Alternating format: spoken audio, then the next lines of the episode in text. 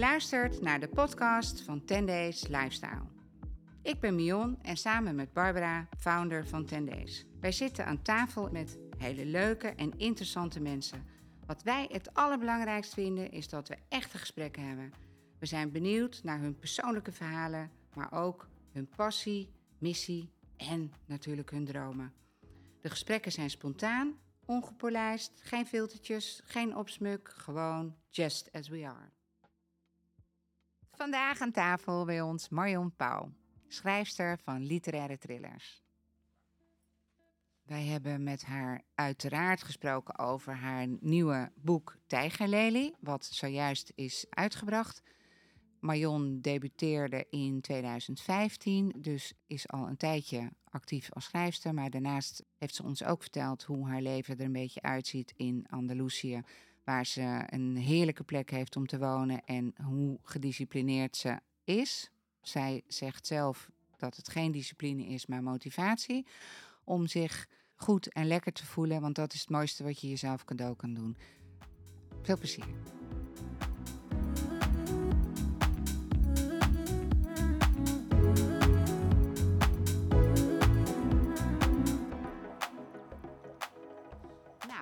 Eh, we zitten aan tafel, jongens. Uh, Monique, Ja, we zijn, daar eh, zijn we weer. daar zijn we weer.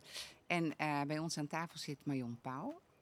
Hallo. Ja, en het is zo leuk, Marion, om jou hier vandaag te hebben. Nou. Helemaal omdat je ne- nieuwe boek net uit is natuurlijk. Ja, Iedereen kent jou uiteraard als schrijfster, maar ook misschien van andere activiteiten.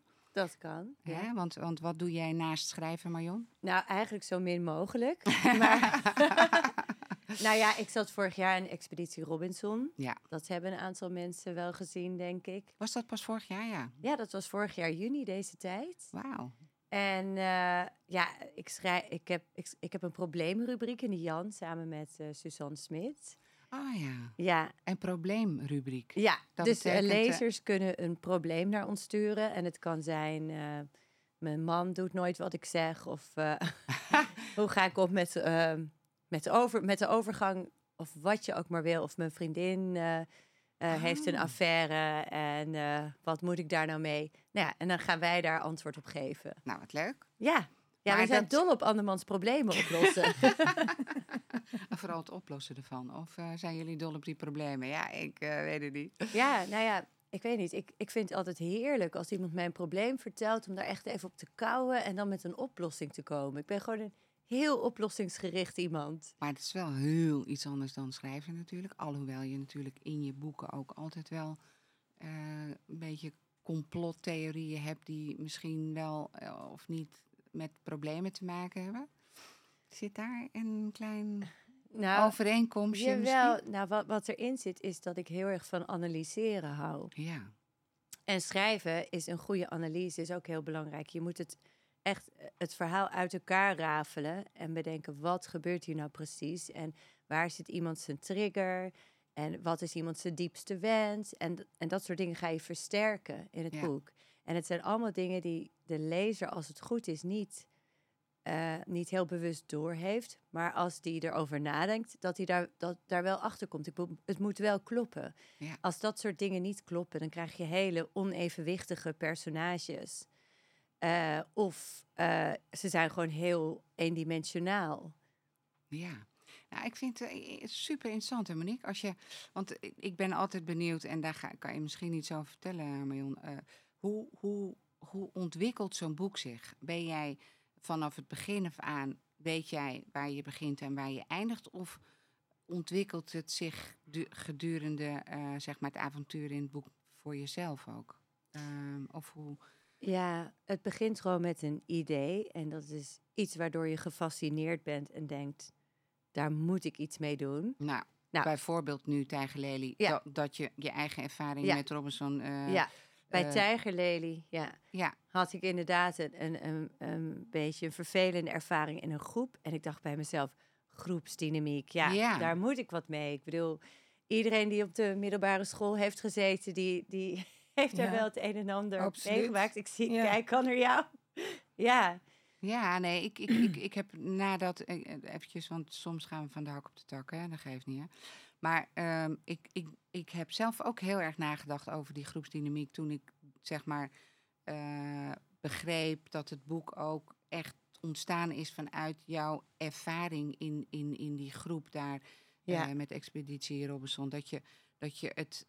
eh, nou ja, dat je het gaat ontrafelen van wat gebeurde er nou Ja. eigenlijk. En Ja, en toen bedacht ik me, hey, heb ik zelf ook ervaringen in die richting? Dat je soms, soms gebeurt. Heb jij ervaringen, Monique? Met, Nee, niet zelf. Maar ik heb het wel bij eh, een van mijn kinderen gezien. Ja, Het schooljaar. ja, Dus, eh, ja.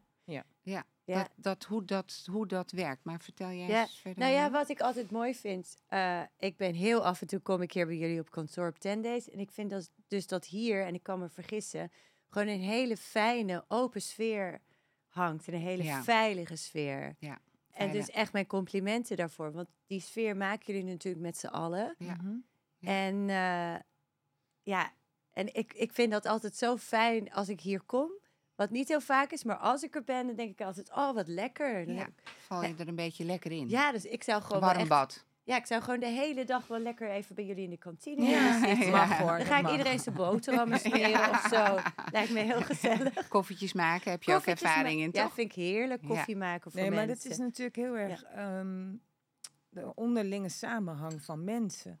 Dus eh, eh, dus wij hebben wel eh, een bepaald type mens, daar hebben we het al eerder over gehad, een bepaald type mens hier lopen. Ja, Die gewoon ook wat stoerder zijn eigenlijk, of wat minder. eh, er, er is bij ons niet heel veel roddel en achterklap. Of eh, nee.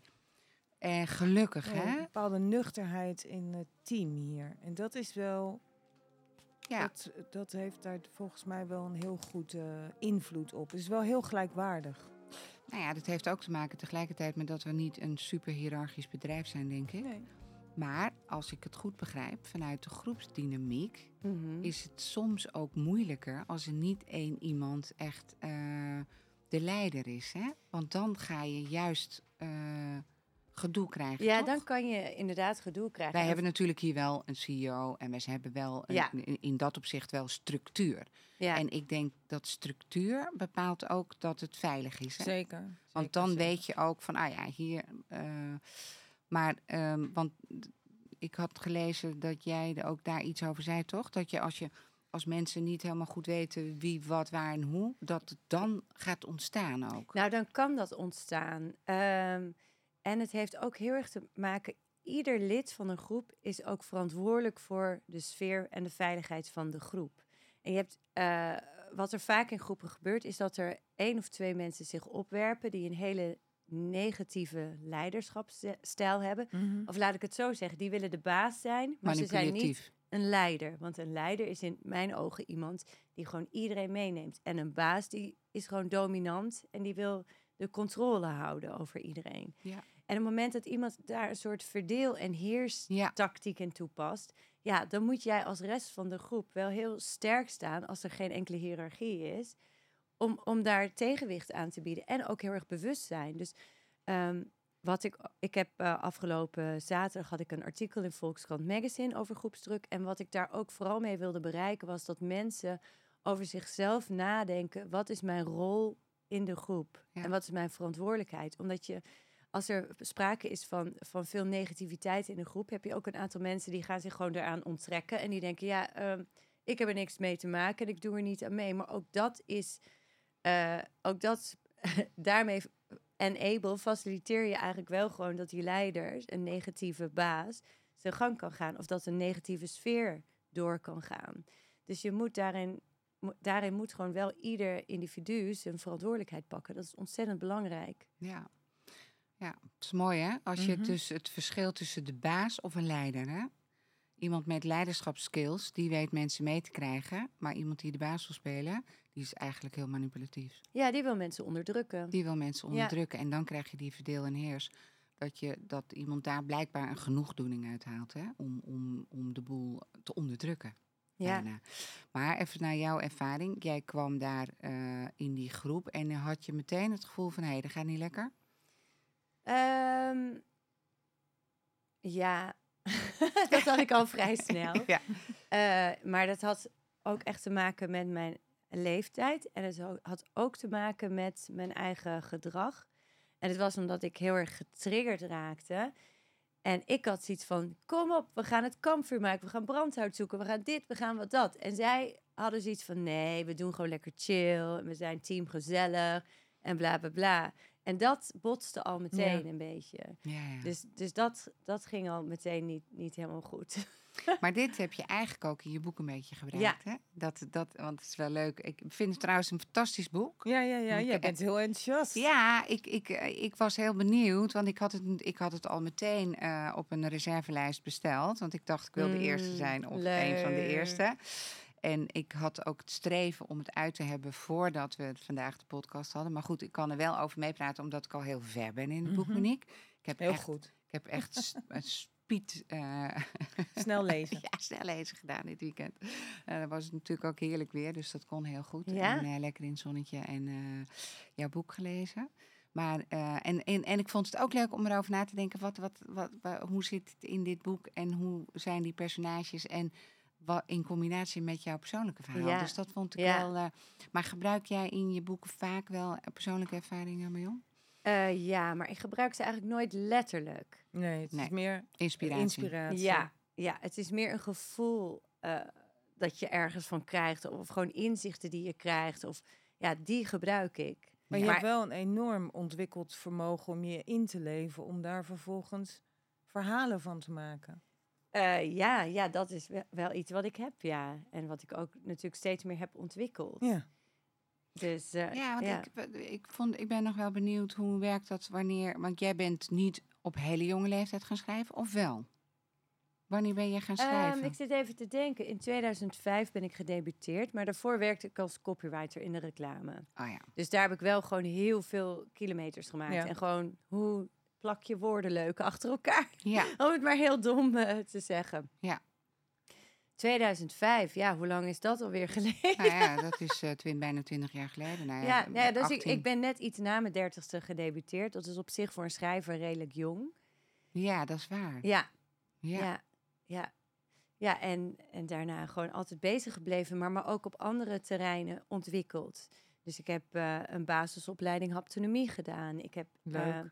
Ja, ik heb, ik heb heel veel ehm, soort van trainingen en cursussen en workshops en retreats. Ik weet dat jij daar ook van bent, Ja, ja, Mion. ja, ja, de was jij nou laatst band. geweest? ja. Ja, maar het is zo interessant. Weet je, er, wel, er Ja. zijn zoveel dingen waar je gewoon niet, niets van weet. En het is zo boeiend om dat allemaal te ontdekken over jezelf. Maar ook over andere mensen. Je leert ook gewoon andere mensen beter begrijpen. Begrijpen. Ja, en we hadden het net al even heel kort over. Ik weet niet hoe oud jij bent. Monique? Wil je dat 52. zeggen? Ja hoor, ja, daar heb ik 52. geen probleem Nou, mee. ik word dit jaar 50. Nou, ik weet ook niet of jij je leeftijd in de podcast wil zeggen. Maar, Iedereen eh, weet dat, hè? ja, 61. Ja. Nou, prima. Dus we zijn toch allemaal vrouwen die nu in een nieuwe fase ingaan. En ik denk dat in het verleden dat eigenlijk vrouwen van onze leeftijd gewoon allemaal werden weggemoffeld. Hè, we zijn oude zijkwijven. Eh, als, we, als, we een, ehm, als we een relatie hebben, worden we ingeruild voor de, voor de secretaresse of de jonge buurvrouw. Zijn we alleen, dan zijn we zo'n sneu kattenvrouwtje. ja, ik bedoel, er zijn allemaal stereotyperen, eh, typeringen. In het Engels noemen Ja. ze vrouwen van onze leeftijd old hags. Hags. Hags. Niet heks, maar hags. H-H-A-G. Hag. En dat is ook zoiets van, ja, oude, oude zeikdoos of zo. Of maak er zoiets van. Ja, maar ik snap wel een beetje waar. Terwijl ik juist denk van, ja, vrouwen van onze leeftijd, wij komen nu juist in onze kracht. Want we hoeven niet meer iemand zijn lustobject te zijn. We hoeven geen kinderen meer te baren. En als het goed is, zijn ze nu ook al redelijk groot. En krijgen we steeds meer ruimte terug. We hebben ongelooflijk veel levenservaring. We weten hoe het is om, om eh, te voeden, om te, te nurturen, zou ik willen zeggen. Dus al die, al die kennis en ervaring, ehm, die kunnen we nu gaan inzetten, eigenlijk gaan teruggeven aan de wereld. Maar waar zou dan het idee vandaan komen dat we oude zijkwijven zijn? Nou, dat weet ik wel. Dat is gewoon het eh patriarchaat, denk ik. Want dat is natuurlijk heel erg bedreigend. Vrouwen die niet meer jou nodig hebben om een gezin mee te stichten, die zich ook niet meer door jou laten seksualiseren. En die gewoon sterk zijn en die gewoon een eigen wil hebben en een grote mond hebben. Ja, dat is bedreigend. Hm.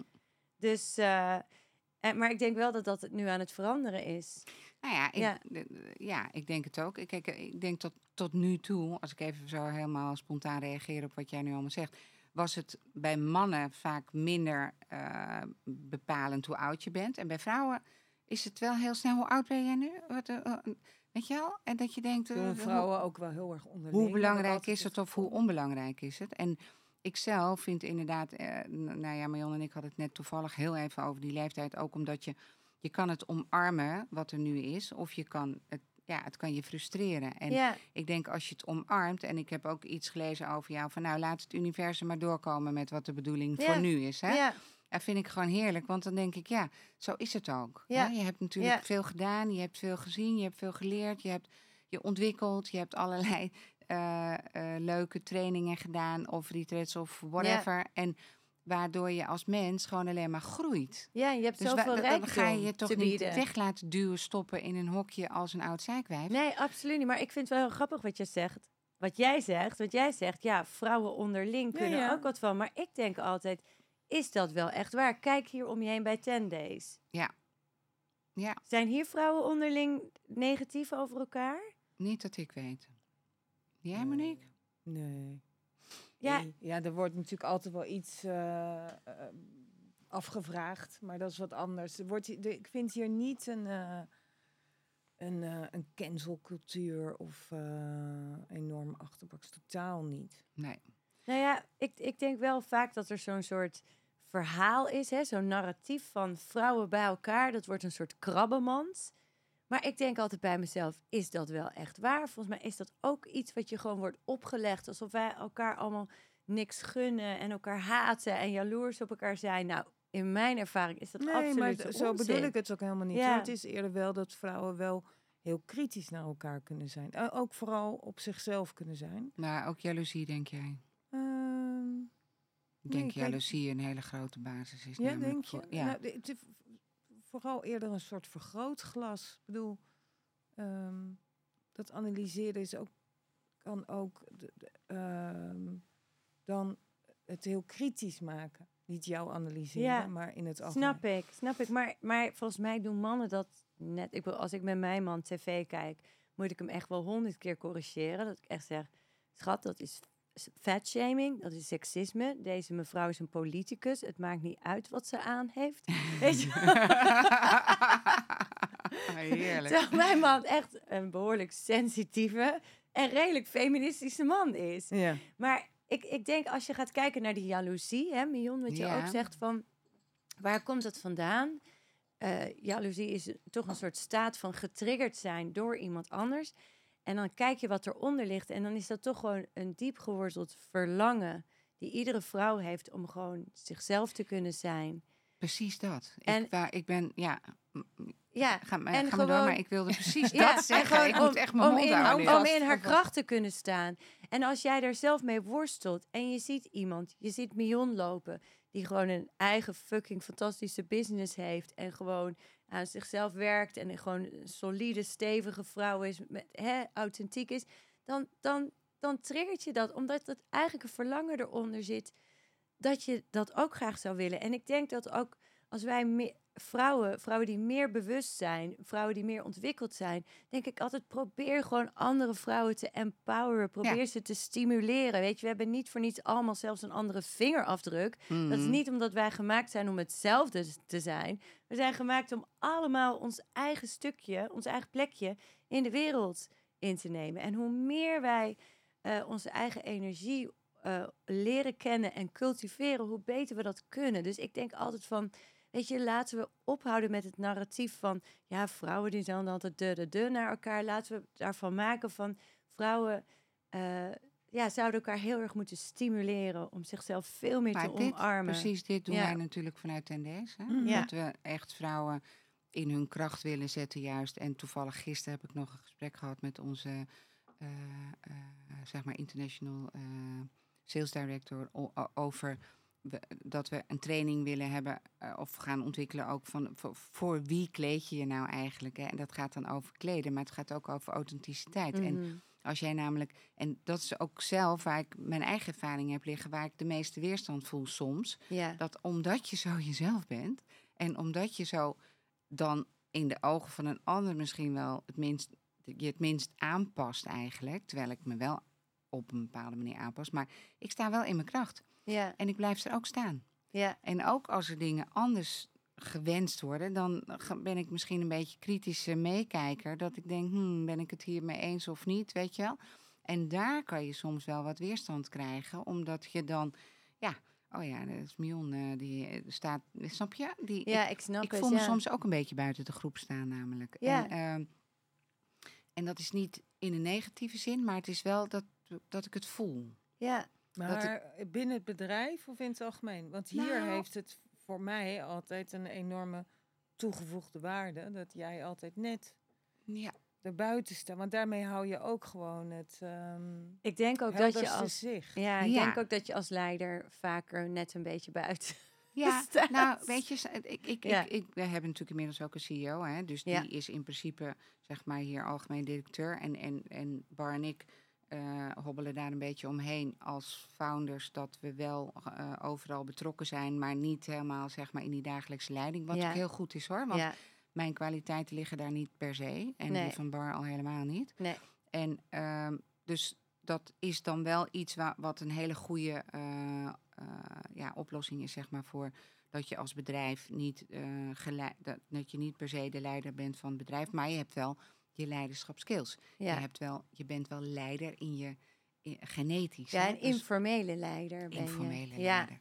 ja. Maar, en ik eh, vind het heel fijn om in mijn eigen bubbel te blijven. ja. Maar misschien wel zo fijn dat ik me soms wel eens helemaal op een eigen eilandje voel. Oh, ja. En, en hoe is dat voor jou, Monique? Ehm, ik denk dat ik wel heel erg in de groep zit, maar ik kan wel afstand in een groep nemen. Ja. Maar Een ik ben wel als ik, hè? eh, een beetje, ja, wij zijn ook altijd waterman. Zeker. Oh, grappig. Mijn Dus, ascendant eh, is waterman. Ja. Maar het is, ik, wij herkennen wel veel. Ja, wij herkennen Ja? heel veel. Ja, ja, ja, ja. ja. En eh, ik, ik heb Monique kennen. we- Hoe lang kennen we elkaar al eigenlijk? Lang. Zes, en ook in andere periodes, in andere settings. En Ja. ook eh, zeg maar buiten ten deze. En, Ja. en, en er zijn heel veel raakvlakken die wij hebben. En, maar jij doet eigenlijk precies een beetje wat ik doe. Ja, dat klopt ook wel. Bedenk ik me nu. Wij kunnen ook altijd wel met enige zelfspot eh, Ja. naar onszelf Ja. kijken. Ja, ja, ja. Ja. ja, precies. Dat. Nee, ja, dus maar ik, dat komt denk ik ook wel door, ook door leeftijd. Dat je leert om eh, niet alleen maar eh, vol mee te gaan, maar ook Mhm. af en toe eh, een stapje terug te doen. Vind ik ook geen slechte eigenschap. Nee, je, je gaat wat minder blind mee ergens in. Misschien Ja. is dat het wel. Ja.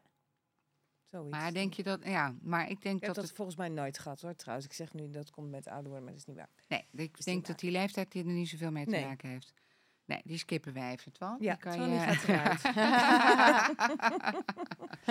maar goed, even terug naar Marion. Nou ja, ik denk wel dat het helpt dat je wat ouder bent, omdat je iets minder voor de ander hoeft te zijn. Weet je, je wordt minder gestimuleerd om, om eh, weet je, de ideale vrouw te zijn of de moeder te zijn. Ik wil ook moeder worden, neemt natuurlijk ontzettend veel ruimte in beslag. Of een bedrijf de dagelijkse le- leiding hebben, dat vraagt ook heel veel voor, je- Ja. van je. Weet je, dan ben je heel veel dingen voor heel veel andere mensen.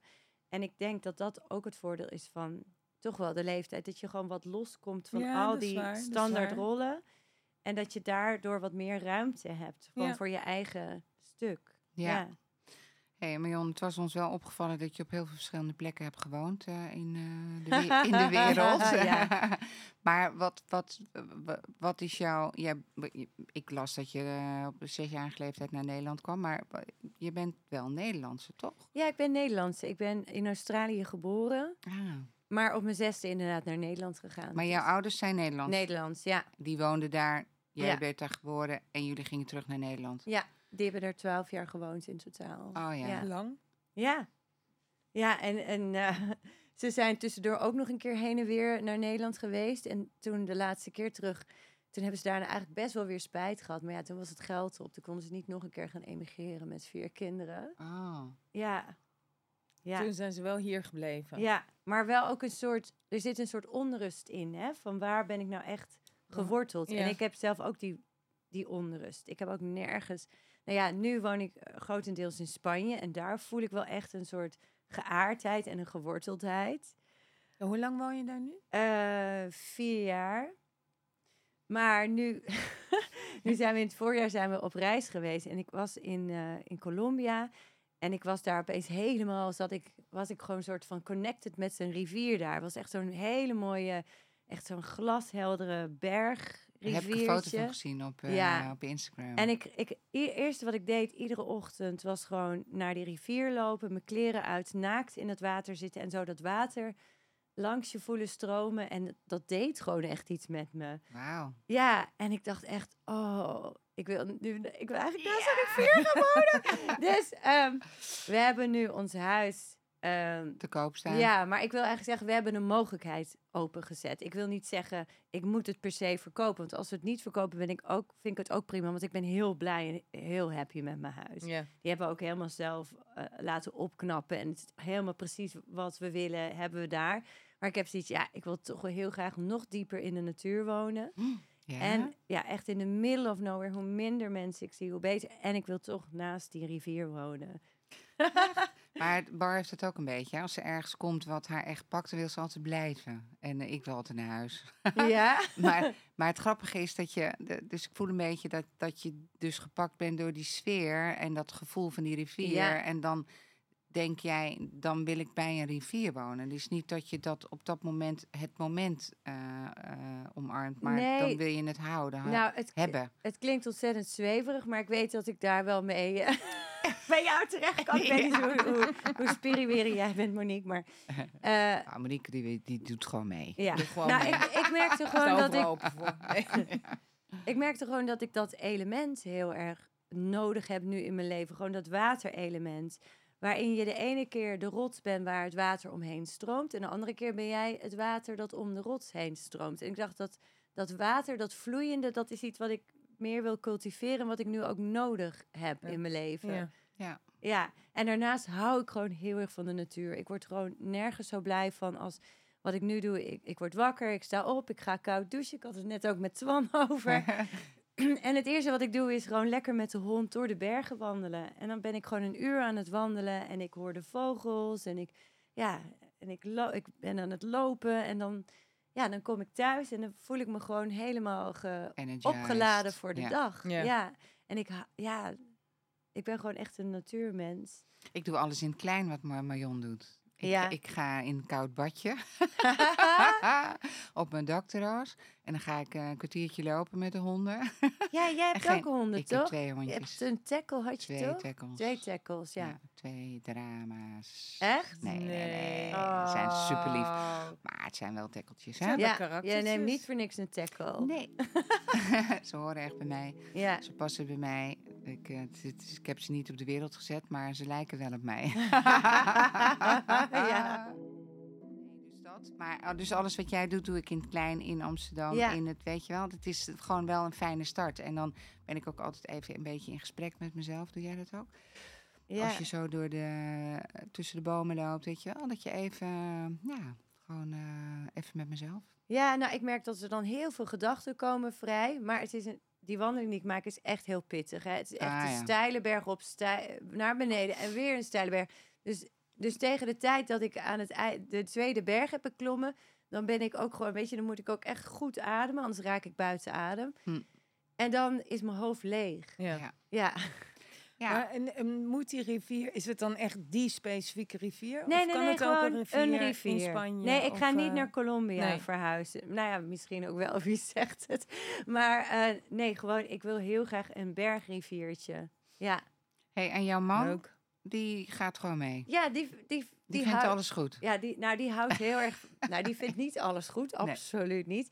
Maar hij is wel iemand, hij houdt heel erg van, van dingen aanpakken en dingen opstarten. En eh, ja, hij is daar heel erg van. Hij houdt heel erg van nieuwe projecten beginnen. Oh ja? Ja, Maar is hij een Fries? eh, hij is een Vlielander. Een Vlielander? Een eilander. En dat is hij ook wel hoor, want er zit echt een kop op, zoals Ja? ze het daar zeggen. Ja.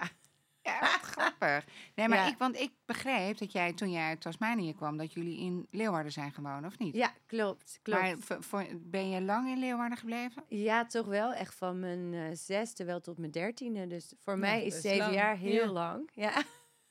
Ja, en toen zijn jullie weer verhuisd. Toen zijn we naar Putten verhuisd op de Veluwe. Oh ja, want je hebt een Ermelo-opleiding Ook zo'n eh, fijne plek om te komen als tiener. Ja. En eh, Nou ja, wij hebben iemand die hier werkt, die woont te putten met heel veel plezier. Maar ja, dat is Dat misschien snap toch... ik. Ja, Ja, het is als wel je- heel mooi. nou ja, het maar is prachtig. ook geboren en getogen. Ik denk wel dat het... eh, ik heb wel een tijdje gewerkt in Ermelo. Mhm. En ehm, Het is gewoon een andere omgeving. echt een andere omgeving en ook een andere cultuur. Ja, Ja. Allemaal onwijze lieve, aardige mensen. Maar heel... ah, ja, ik ervaarde dat als heel afgepast. Ja. Weinig ruimte voor spontaniteit. Ja, ja, sowieso weinig ruimte voor, voor dingen, mensen die buiten dat kader vallen. Ja. Klopt. Dat maar zou- ook, ook een heel hechte gemeenschap Ja, die heel solidair is Ja. en elkaar eh, ja, ondersteunt. Ja. Ik kan me voorstellen als je daar geboren bent, dat is hetzelfde een beetje misschien als een eilander, dat, dat het toch een hele sterke, dat hele sterke roots zijn. Hè? Dat Ja, je wel, ge- wel Ja. geworteld zou Ja. kunnen zijn en blijven daar, omdat Ja.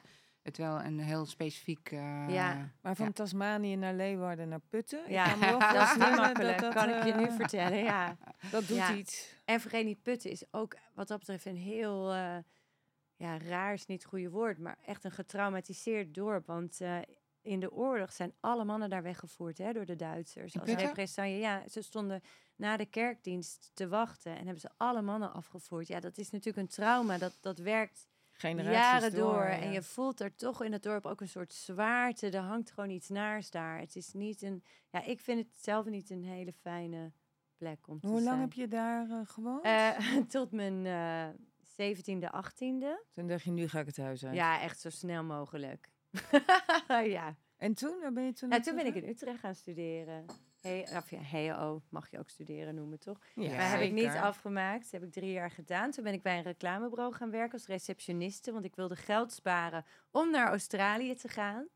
Om, Oh, daar ja? te gaan, ja, om daar te gaan reizen of een opleiding te volgen. Maar ik stond hartstikke rood. Ik had zo'n ABN AMRO studentenrekening. Stond ik 2000 gulden. Ja, dat rood. komt toen allemaal Dus dat moest ik eh, eerst nog mijn achterstand wegwerken. Ja. Nou ja, en eh, toen ben ik bij een reclamebureau gaan werken. En toen ehm huurden zij best wel vaak freelance tekstschrijvers in.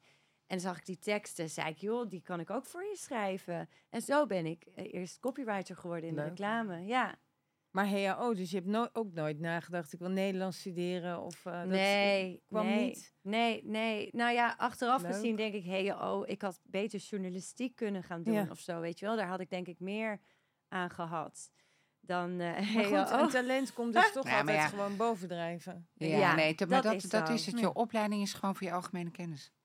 Tenminste, dat zie ik zo. Ja. Ik- je kan van Ja, als, jullie mensen aannemen, let, let je op de Nou, opleiding? ik het minst. Jij het minste? Ik, Ik het minst. Ik, ik. Nee. kijk echt naar, naar talent, naar Nou, eh, persoonlijkheid. persoonlijkheid. Ja, Wat voor Eh, soort persoonlijkheid zoeken jullie? nou, ge- de- de- gewoon wel iemand die ergens voor staat. Ja, ik, ik kijk, het is natuurlijk een beetje afhankelijk van welke afdeling we iemand zoeken. Hè? Maar als Mhm. ik even spreek voor mijn, eh, mijn team, eh, zeg maar het sales team, waar ik natuurlijk zelf een onderdeel van was, eh, maar ik, ehm, ja, waar mijn hele ervaring en, en kennis ligt. Ja. En, en ook niet omdat ik daar opleiding in heb natuurlijk. Ik vind sterker nog mensen die opgeleid zijn om in die richting, die vind ik het minst leuk. Weet je, het gaat Oh ja? ja, het gaat, gewoon- het gaat om, om, om, om wie je bent en hoe, hoe natural je bent eigenlijk. En, ja. Kijk, en als we natuurlijk iemand voor e-com nodig hebben, is wat anders. Hè? Of als Monique voor marketing eh, mensen Ja. nodig heeft, dan kijk je wel naar opleiding en naar ervaring. Nou, maar dan nog is denk ik ervaring bij posities. Maar ik, uiteindelijk maak ik altijd mijn keuze op, eh, Persoonlijkheid. op persoonlijkheid. Ja. En dan vooral balans. Als er de, en dat, is, de, eh, dat kan mannen vrouwen zijn. Speelt hier niet zo, want wij hebben hier gewoon heel veel vrouwen werken. Ja. Maar ook of iemand heel erg extravert of introvert is. Mhm. Als daar een balans tussen zit, is mijn ervaring in ieder geval dat die, dat, dat team altijd wel. Als daar genoeg afwisselingen zit, dan functioneert het team gewoon Ja. altijd het beste. Ja. Als je alleen maar mignonnetjes hebt of moniekjes, word je ook niet echt, eh, wordt het niet sterker Ik ben er ook bang voor, Monique. Dan, eh, nee, dat, maar dat klopt. Het is natuurlijk ook daarin een groepsdynamiek. Ja, Hè? ja, Dat is de groep versterkt elkaar of, of breekt elkaar af. ja, ja. En, en, en dat is eh, heel belangrijk op verschillende afdelingen. Ik heb daar inmiddels, ja, ik, dat vind ik super interessant om, om te kijken van welke mensen. Want ik heb ooit zelf voor een, een, een manager gewerkt die, die had echt hele goede groepen gebouwd. Die kon echt mensen bij elkaar zetten die elkaar, ja, eh, die het beste uit elkaar haalden. Ja. In plaats Ja. van het slechtste in elkaar Ja. boven haalden. Dat, eh, dat vind knap. ik eh, super interessant. Ja. ja. En ik ben daar zelf ook wel, nou, ik ga niet zeggen goed in, maar ik kan wel, ik kan wel mensen lezen. ja. Als in dat ik zie van, ah ja, weet je, dit, hè, dat, dat heb je dan nodig in zo'n groep of zo. Of, Ja. eh, en eh, dat, ja, dat vind ik ook heel leuk. Daar ligt ook zeker, eh, ik ga er ook, ik ga in september een opleiding doen, ook om nog meer kennis te vergaren, zeg maar, daarover. Wat Oh, voor opleiding? Ja, een coachingopleiding. Leuk. Ja. Ja. Ja. Ja. En, en niet per se om alleen maar te coachen, maar wel om jezelf misschien in eerste instantie meer te coachen, waardoor je nog een ander nog weer beter begrijpt. Ja. Ja. En, Zo eh, begint het natuurlijk altijd. ja. Hè? Ja. Ja, maar het is, het, is, het is gewoon leuk om, om te blijven ontwikkelen. Ik had toevallig gisteren een nichtje van mij aan de telefoon, die is mijn leeftijd. En die, die eh, wilde mij informeren dat haar vader vrij eh, aan het eind van zijn leven is gekomen. En die man heeft een heel mooi, prachtig, gezond leven gehad. En Mhm. Maar toen hadden we het daar even over. En toen zei ik van, toen, want ja, zij, ik, ik vertelde haar, ja, ik ben bezig met opleiding, dit en dat. En toen was ze wel even stil, zo van, oh, oké. Ja, wat, waar, waarom was ze stil? nou, omdat ik denk dat zij meer kijkt naar, oh, oké, wat heb ik allemaal gedaan? En, en, en die is bezig met investeringen. En dat is een, echt een, een, een, een zakenvrouw op en top. Ja, ja. En eh, dat vind ik dan wel grappig dat, dat wij als nichtjes waren vriendinnetjes vroeger Mhm. en eh, groeiden met elkaar op. Maar wel met een hele andere, in, ja, andere intentie eigenlijk. Ja, en ja. nu op deze leeftijd zie je dan precies, De verschillen. ja, ja. en, maar wel heel leuk. En zij doet het heel goed voor zichzelf, maar ik doe het op mijn manier heel anders, maar ook voor mij goed. Ja, Ja. ja. Dus leuk ik, is eh, dat. ja, ik ben wel blij dat je daarin eh, op, de, op het juiste spoor bent beland. Hè? Ja. Want, want dat is iets, eh Marion, wanneer heb jij het gevoel gehad van, nou, dit past echt bij mij, wat ik nu doe? Met het schrijven. Bijvoorbeeld. Ehm, ja, eigenlijk... Ergens moet je, ergens ja, moet je een keer ik zit ankeren. echt te denken van, is daar... Een, nou ja, eigenlijk met het schrijven eh, heb ik altijd al gevoeld van... Ja, daar heb ik altijd van gehouden. Ook als kind al? Ook als kind, ja. Ik had altijd al heel veel fantasie. En wanneer ging je voor je in je hoofd dat je dacht, want dan ga je copywriten en dan denk je, oh, ik kan dit. Ja, En wat dat merk je ook aan reacties als jij een stuk inlevert. ja, of- en, maar, maar dat is eh, vaak in opdracht. En, Ja. op- en op een gegeven moment is daar een omschakeling Ja. geweest dat je jezelf een opdracht ja. geven. Nou ja, omdat dat in opdracht me heel erg tegen ging staan. Ja, ik, en vooral, eh, ja, ik ben, de, ik ben in mijn werk ongelooflijk eigenwijs. Als ik gewoon het gevoel heb van, ja, dit moet het worden. En dan heb je een klant en die zegt, ja, nee, maar we willen het liever zo. En denk ik bij mezelf, ja, ik vind dat echt niet goed. Je en vindt dan- dat dan ook zonde? Ja, dan vind ik dat gewoon zonde. Dus ik vond het iedere keer gewoon zonde van mijn werk. Dat gewoon die klant het eigenlijk ging verpesten. Ja, ja, ja. dat klinkt heel erg. Maar ja, ik ben er wel heel erg eigen gereid in. Ik heb hele, wat mijn werk En daarom was je waarschijnlijk ook juist een hele goede copywriter. Misschien wel, maar het is nooit zo eh, onderkend misschien. Maar ja, daarom wilde ik heel erg graag eh, zelf gaan schrijven. En ik ben altijd een enorme lezer geweest. Ik hou ontzettend van lezen. Ik, ik verslind nog steeds boeken. Ik kan nog steeds ontzettend genieten van goede boeken. Dus ja, voor mij was het toen wel een logische stap om zelf te gaan schrijven. Dus eigenlijk heb ik toen die klik gemaakt. En Leuk. eh, ja, ja, en, en dat... eh, Wat lees je zelf, Marion? Wat nou, ik lees grappig genoeg heel veel Amerikaanse, eh, Amerikaanse vrouwelijke schrijfsters van nu. Als ik Oh. kijk wat staat er in mijn nachtkastje. Op mijn nachtkastje is het allemaal dat. Ja. En dan hou ik een beetje de Booker Prize bij, de Pulitzer Prize, New York Times bestsellers. Dus ik lees echt, echt gewoon de prijswinnende, gewoon het beste uit het buitenland. Ja. Ja. Ja. Leuk. Maar ik hou ook gewoon de top 60 een beetje bij. Ik lees ook wel mijn collega's, weet je wel. Dus Dus dat doe ik ook. Maar, Maar- dat doe je omdat je even wil weten wat zij... eh, of, ja, ook omdat ik gewoon leuk vind om te zien, nou, wa- waar is iedereen mee bezig? En, eh, maar ja, het, waar ik zelf echt het allermeeste plezier aan beleef en inspiratie uit haal, dat zijn echt die, eh, de moderne Amerikanen. Ja? ja. Maar met, met eh, de, de- de verhalen of, of juist eh, boeken waar je wat van leert? Of, of, Nou eh, ja, ja, juist omdat de verhalen. Ik, ik hou dus niet van het hele mooie schrijverij. Ik heb zoiets van: vertel een goed verhaal en vertel het verhaal goed. Dat Ja. is eigenlijk altijd mijn motto als het gaat om schrijven. En ik, ja, als je bijvoorbeeld kijkt naar de Nederlandse literatuur, vind ik vrij Calvinistisch beeld hebben wij van wat een goed boek is. mm, En dan zie je boeken met de meest prachtige, vaak ook wel echt gekunstelde zinnen. En dan lees je een bladzijde en denk je, ja, het waren allemaal prachtige zinnen, maar waar gaat dit in godsnaam Nou ja, maar over? dat, dat vind Weet ik ook lastig hoor. Ja. Ik, ik, ik hou ook van lezen. Ik heb zelfs een hele bibliotheek thuis. Ja. Ja, dat moet ik even vertellen. Ik was op een gegeven moment mijn boeken op kleur aan het zetten. Omdat ik dacht, dat is meer rust. Hè? Want Ja. hij staat zeg maar bij de entree. En dan eh, kwam ik gewoon vier boeken van jou tegen. Nou. allemaal dezelfde. Allemaal dezelfde. Die had je al vier keer gekocht. Nou ja. Nou ja, over op kleur sorteren. Wat ik zelf eigenlijk het mooiste vind in de boekenkast, even een stilistisch ding. Haal de donkere boeken eruit. Dus de zwarte boeken eruit. Zodat je alleen Ah. maar lichte eh, ruggen hebt. En Ja. dat doet wonderen voor je boekenkast. Oh, Esthetisch. Ik heb nu zelf ook een zwarte rug. Maar dat vind ik zelf heel mooi staan in de boekenkast. Als ik het voor de mooi ga zetten. Hè? Ja, maar ik vind wel, ik hou namelijk van boeken in huis. Hè. Ik Ja. ben gekke boeken. Ja. Hè. Ik heb ook geen e-reader of zo. Hè. Nee, ik ook niet. Ik heb het wel gehad, maar ik dacht, ik wil gewoon een Maar boek ik in heb mijn ook nog steeds een opschrijfboekje en een vulpen. Ja, Eh, ja. Ja. Sommige dingen moeten gewoon... Heerlijk. eh, ik moet kunnen bladeren. Ja, maar ik wil ook het boek ruiken. Ja. Ik, ik, ik, ik word heel ongelukkig als ik zo'n tekst in zo'n... eh, ja, dat vind ik gewoon niet leuk. Vind Nee. ik, en, en, en natuurlijk, eh, alles wat we digitaal doen en zo, dat is allemaal... Ik bedoel, het is veel makkelijker om eh, met zo'n ding een week of twee weken weg te gaan. En Ja. in plaats van drie boeken mee te slepen. Ja. Maar ja, ik vind het toch niet leuk. Ja, ik ben het met je eens. Ik lees ook het allerliefste papieren boeken. Maar ja, ik woon in Spanje en ik kan niet al iedere keer eh 10, 20 boeken Nee, meeslepen met de hoeveelheid boeken die ik lees. Dus ik lees helaas ook wel veel van de e-reader. Maar ik koop altijd wel de boeken. En dat wil ik echt even tegen iedereen zeggen die luistert Ja. die e-reader heeft. Je hebt van die mensen zeggen, ja, ik heb een stikje gekregen van eh, de buurvrouw met allemaal boeken op. Dat is dus illegaal en dat is diefstal van de auteur. Zeker. En als je wilt dat mensen mooi werk willen blijven, blijven maken, ja, dan moet je gewoon die boeken kopen. Klaar.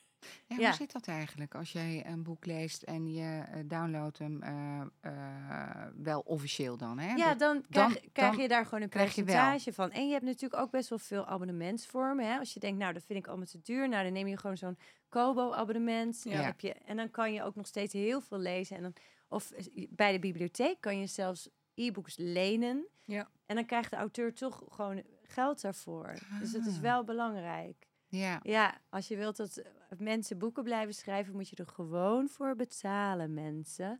ja.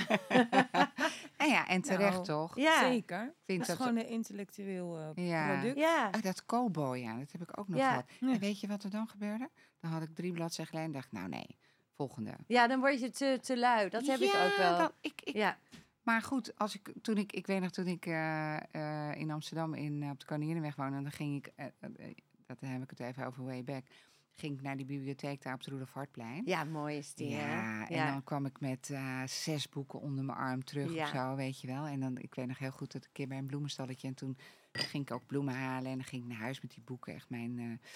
en eh, dan zei die man, ga je dat echt allemaal lezen dit weekend? en eh, later ging ik naar Scheltema en dan ging ik lekker op de. Keizersgracht. eh, toen Prachtig. woonde ik in de pijp en dan ging ik op een fietsje en dan ging ik daar... Ja, en, maar dat mis ik nu wel een beetje, want ik bestel nu bijna alles bij bol.com. Ja, je woont ook in Oh. Noord, hè? Maar ik, ja, ik ben toch, ik hang wel heel erg aan de lokale boekhandel hoor. Ja.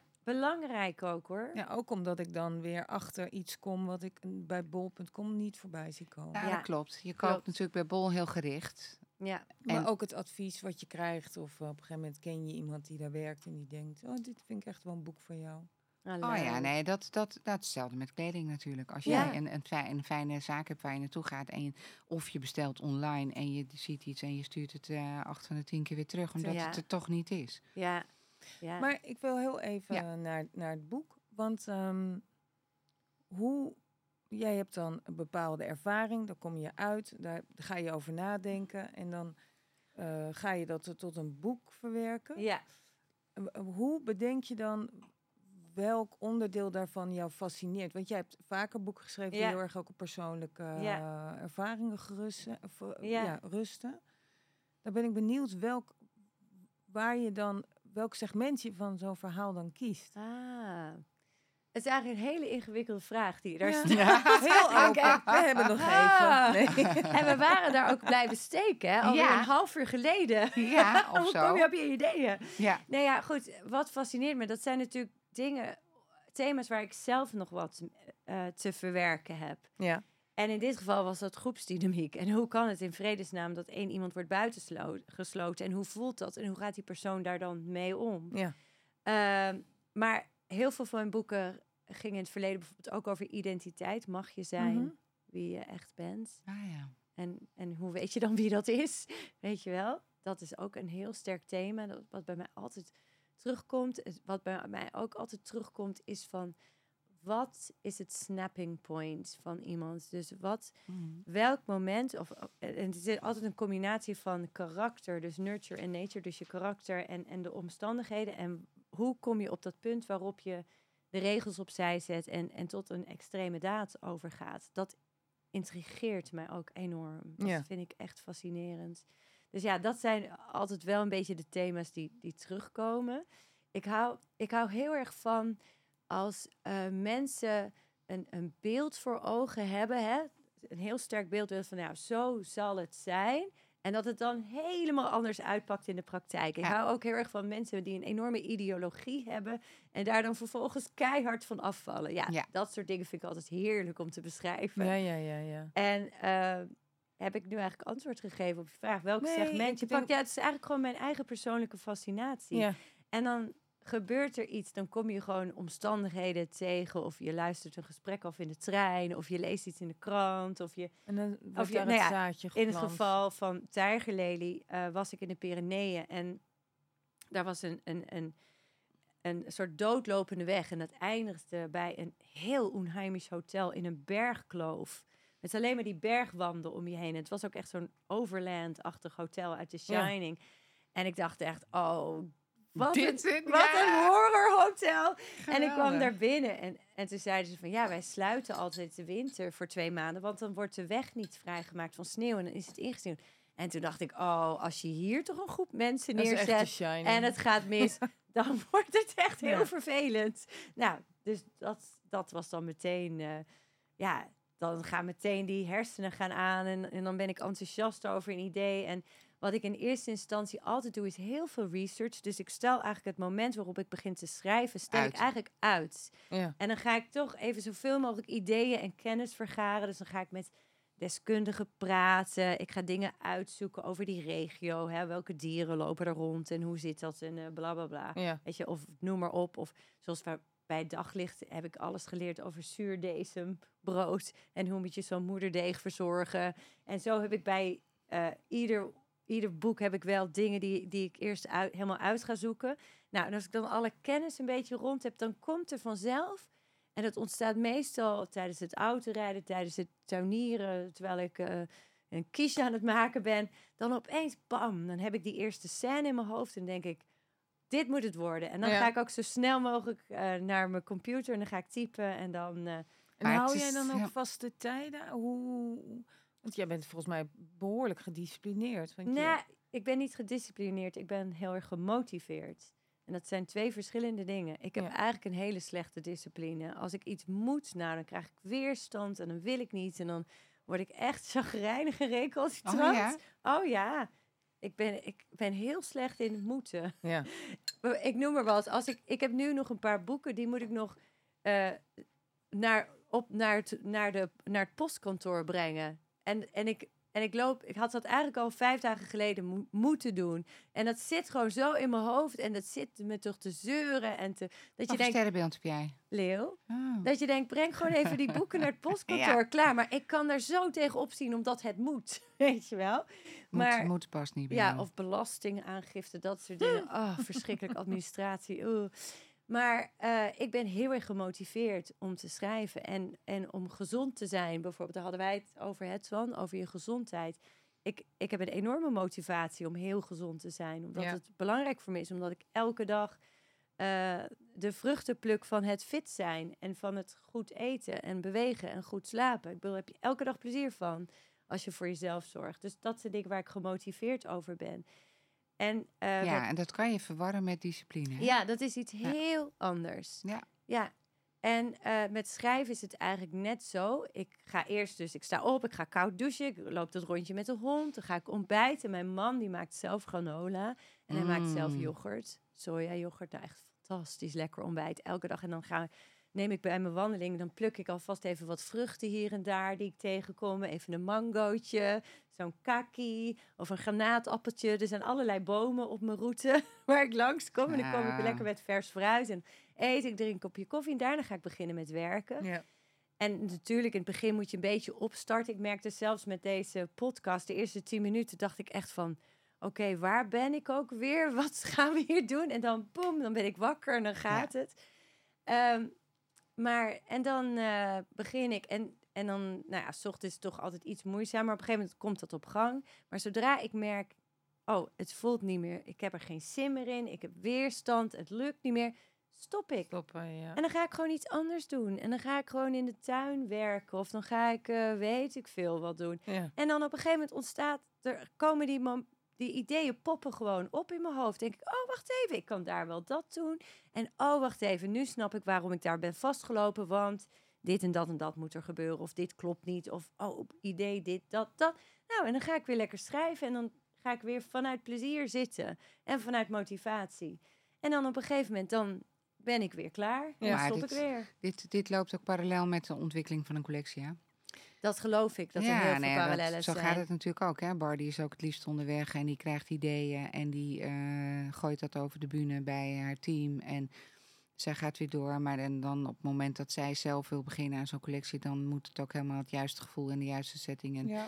En dan, maar lukt het niet, dan kan ze ook beter stoppen. Want je kan niet doorduwen. Hè? Nee, dat in, gaat in, in niet. creatief beroep kan je niet Nee. doorduwen. Dan moet je gewoon weer er vanaf. En Zeker. een nieuw inzicht krijgen enzovoort. Marion, een vraagje eh, wat mij net te binnen schoot. Wat vond jij, want ik zag dat je hier een prijs op hebt staan, hè? tweevoudig winnaar Ja. van de Gouden Strop. Ja, Maar is dat, wat is dat voor prijs precies? van de Eh, beste thriller. Dus die heb ik vorig jaar Ah. gewonnen voor Vogeleiland. En in 2009 voor Daglicht. oh ja, Ja.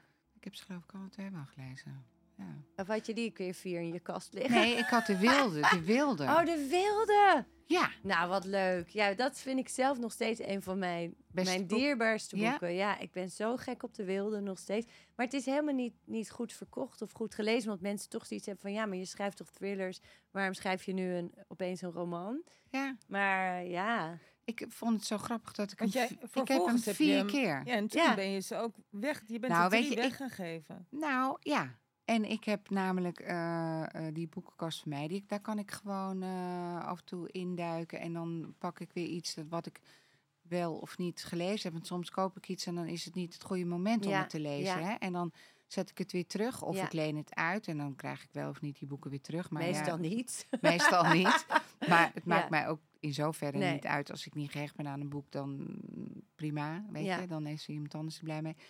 Maar eh, ik hou wel om en af en toe gewoon al die kafters een keertje zo weer door me. En nou ja, goed. En wat ik al zei, dat ik dus vier keer hetzelfde boek dacht ik, oh, dit is toch echt erg, hè? Dat- Grappig, ja. wat grappig. Maar heb je het wel gelezen ook? ja, Oh, dat wel. ja. Maar ik Ja. zou nu, nu ik dit aan het lezen ben, die tijgerlelie, zou ik wel weer die andere boeken voor jou nog een keertje willen Oh, lezen. leuk. Ja, Ja, Dus ik, ik, want ik hou wel van jouw schrijfstijl. dank je. Want ja. ik zit er wel lekker in. En precies wat jij in het begin al zei.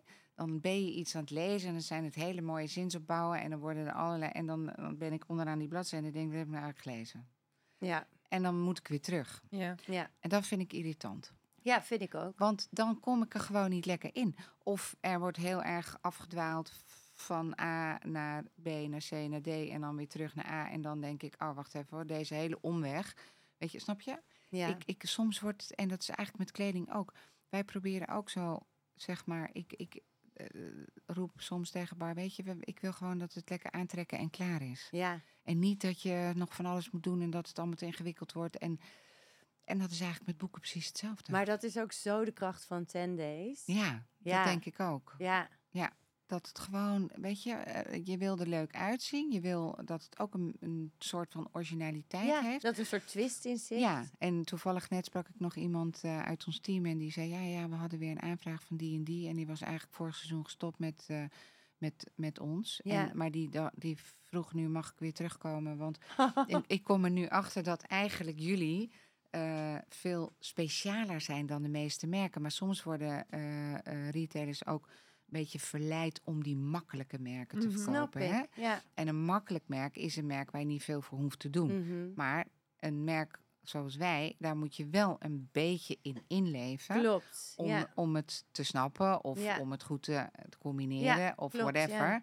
Ja. Daar willen we ook iets meer aandacht aan gaan schenken. Dat eh, we met dit soort mensen ook die dan komen inkopen, dat we toch weer teruggaan naar meer trainingen geven. Omdat ja, eh, iemand die op de vloer staat, die moet gewoon soms iets meer uit zijn eh, comfortzone Ja. om het bij ons wat beter te Ja. snappen. ja, Dus, maar ik weet wel toen ik jou volgens mij voor het eerst ontmoette. Hoe lang is dat geleden? Best lang, hè? Nou, toen hadden jullie die, die flagship store Ja. open, Cornelis Struit. Ik weet Ja. niet welk jaar dat was. Eh 2008? Nee, wacht, we Nee, zijn... Nee, nee, nee, nee, nee. 12, 2012. nou, dan ja. ken ik jou sinds Ja, 2012. dan kennen we elkaar eh 11 jaar. Maar ik weet nog, toen kwam ik in die concept store en toen ging jij mij zo aankleden. Ja. En dat vond ik toch zoiets heerlijks. En, ik, eh, en ook gewoon die stijl had ik ook nog nooit eerder op die manier gezien. Want ik ben zelf dus ook een heel, eigenlijk een heel casual, gemakzuchtig iemand. Maar ja, je wilt ook niet altijd in zo'n soort versleten joggingbroek rondlopen, Nee. et cetera. En ik ben altijd zo blij. Ik heb die kleding die ik toen... eh, Echt waar? Ja, die heb ik nog steeds. Nou, wat goed. Dat jasje en Ja. dat joggertje. Ja, hoor. Ah ja, ik kan me nu ineens herinneren hoe dat ook weer ging. En Ja. dat is wel grappig, want eh, die, dat, dat inzoomen op iemand van... oké, eh, wat draag je normaal? Wat, wat, wat past bij jou? Maar waarin voel jij je wel jezelf zonder een verkleed popje? ja, En dat weet ik nog. Jij was er toen, Isa Hoens was er ook. ja. Isa komt ook in de podcast. Oh, dat Oh, mag ik natuurlijk niet zeggen. Oh. Oh, Gaat er ook uit van. verklapt. verklapt. En, eh, maar eh, nee, en dat is leuk om dan, eh, en dat had ik ook met Anouk Smulders trouwens. Die kwam toen ook binnen in heel veel, Ja, veel was diezelfde opening. veel, Ja, ja, was veel diezelfde meer opening. glamour. En Ja. dat ze toen al die glamour kleding gooide, ze propte ze in een tas. En zei ze, oh, ik ga lekker zo. eh. Heerlijk, ja. En, dat vind, en dat, daar krijg ik wel een kick van. Want dan denk ik, weet je, we zijn mooi genoeg, we zijn leuk genoeg. En we kunnen je ook een beetje transformeren naar iets ja, wat je misschien niet was, maar wat je wel bent. Of, Ja. Snap je? En wij Nederlanders moeten ook altijd op die fiets, hè? Ja. Ik bedoel, ja. de helft, meer dan de helft van de kleding valt gewoon al af, omdat je ook gewoon moet kunnen fietsen. Ja. Ja, vind ik wel. Zeker Nou, dat klopt. Ik had die zijde jurk aan toen ik naar het concertgebouw ging naar een optreden van eh Iris Hond. En eh, toen had ik die zijde jurk aan op de fiets. Nou, dat was wel een uitdaging. Dat want geloof ik. die kwam namelijk helemaal tot aan mijn enkels. En dus ik moest Mm. hem, ik had hem, en ik had er wel een short onder. En dus ik ging hem knopen om mijn middel. en dan eh, op die fiets daar naartoe. En toen ik daar kwam, liet ik hem weer zakken. en dat vond ik eigenlijk wel leuk. Toen dacht ik, dit is toch 100% Amsterdam. Ja. Ja, echt hè? Ehm, ik ben bang dat we een klein beetje aan het eind gekomen zijn. Ehm, Marion, eh, heb jij nog iets wat je wil zeggen? Heb je nog een echte droom, wens wat je in je leven wil? Bijvoorbeeld? Ehm, Of zeg je, nou, Nou, als je kijkt wat, wat is echt mijn droomwens, dan is het... Mijn kinderen zijn allebei het huis uit. Die zijn 24 en 25. En vooral mijn dochter, die woont eh, ver weg. oh, echt? Eerst woonde ze in Australië, nu woont ze Turks en Caicos, Caribisch gebied. Oh, Maar het is een hele onhandige vliegverbinding, want je moet altijd over Miami daar overnachten en dan pas daar oh naartoe. my en god. dus het is En ook niet heel lekker makkelijk. Hè? maar ik hoezo ga is ze zo ver mogelijk weg gaan zitten? nou, ja, omdat ik een verschrikkelijke moeder ben. Nee, zij is echt een ocean baby. Dus zij Ach. wil altijd gewoon in het water zijn. Ze wil snorkelen, ze wil de walvissen zien. Ze is gewoon totaal ver- vervlochten met de oceaan. Wauw. Dus ja, En dan zit je daar wel goed. dan zit je daar wel goed. En eigenlijk is mijn wens gewoon om echt gewoon eens een keer... Gewoon lekker twee, drie maanden. Dan ga ik gewoon bij haar in de straat wonen. Je Ja, ja, daar gewoon een huis. En dan kunnen we gewoon lekker even dat gezellige, casual... gewoon even op de koffie bij elkaar. Ja. Het lijkt me zo enig dat ik zeg... joh, ik heb gekookt, eet even mee. Maar dat het niet meteen zo'n heftig zwaar bezoek is... maar dat je gewoon even dat gezellige loopje met elkaar hebt. En zij was vorig jaar, is in totaal drie maanden bij mij geweest. Dus ik ben hem weer een beetje verwend geraakt... door de nabijheid van mijn dochter. Dus ik wil echt zo graag weer zoiets terug. En hoe lang woont ze daar? Al? Eh, nou ja, ze is eigenlijk op de achttiende meteen het huis uitgegaan. Meteen naar Australië gegaan. Duikinstructeur geworden. Inmiddels is ze kapitein. Dus zij bestuurt nu boten. Stoer. Heel cool. Ja, heel stoer. Ja, zij is zo'n stoer kipje. Wat een stoer meisje. Heel leuk, ja. En, en dan... En ze is pas 25. Ja, ja, maar die is ook echt, die weet wat ze wil en die gaat ervoor. Die is heel doelgericht. Boogschuttertje. Ah ja, Dus eh, die, eh, die gaat. die gaat. Ja, ja. Wauw. Ja, dus eigenlijk als je vraagt wat is echt mijn wens, dan zou ik gewoon het liefste gewoon lekker drie maanden bij mijn dochter in de straat gaan wonen. Mhm. En heel veel met haar koffie drinken. En Ja, gezellige wat dingen leuk, doen. En naar de yoga op de zaterdagochtend. Ja, maar eigenlijk, eigenlijk is het een hele grote droom die eh, iets vertelt over hoe, hoe mooi het is om hele gewone dingen te doen. Ja, Hè? Want als je, het is eigenlijk heel klein wat je wil, Ja, ik- maar het is wel een grote droom omdat zij omdat zo ze ver- weg ja. zit. Ja, ik Ja. benijd ook altijd mensen die gewoon kinderen in de straat hebben wonen. Ik bedoel, dat als ze, dat ze kind, mensen die nog kinderen thuis hebben wonen, benijd ik niet zo per Nee. se. Maar als ze lekker de straat wonen, Ja. heerlijk. Ja, ja, ja. Maar het past wel helemaal bij jou en bij jullie, denk ik, om dit zo... eh, jullie, dat, dat reizen zit gewoon in je Ja, bloed, wij zijn hè? totale globetrotters, Ja, absoluut. Ja. Ja, Ja. dus het eh, klopt helemaal. dat is. Ja. Ja. hey, dankjewel man voor dit leuke Nou, gesprek. wel. Ik vond het Jullie echt bedankt. heel leuk. Heel leuk. Echt heerlijk. En ik Ja. voel ook jouw energie. En eh, ja, ik vond het echt een, een heerlijke podcast. Nou, ik ook. Dank Thanks. jullie wel voor de uitnodiging. Ja.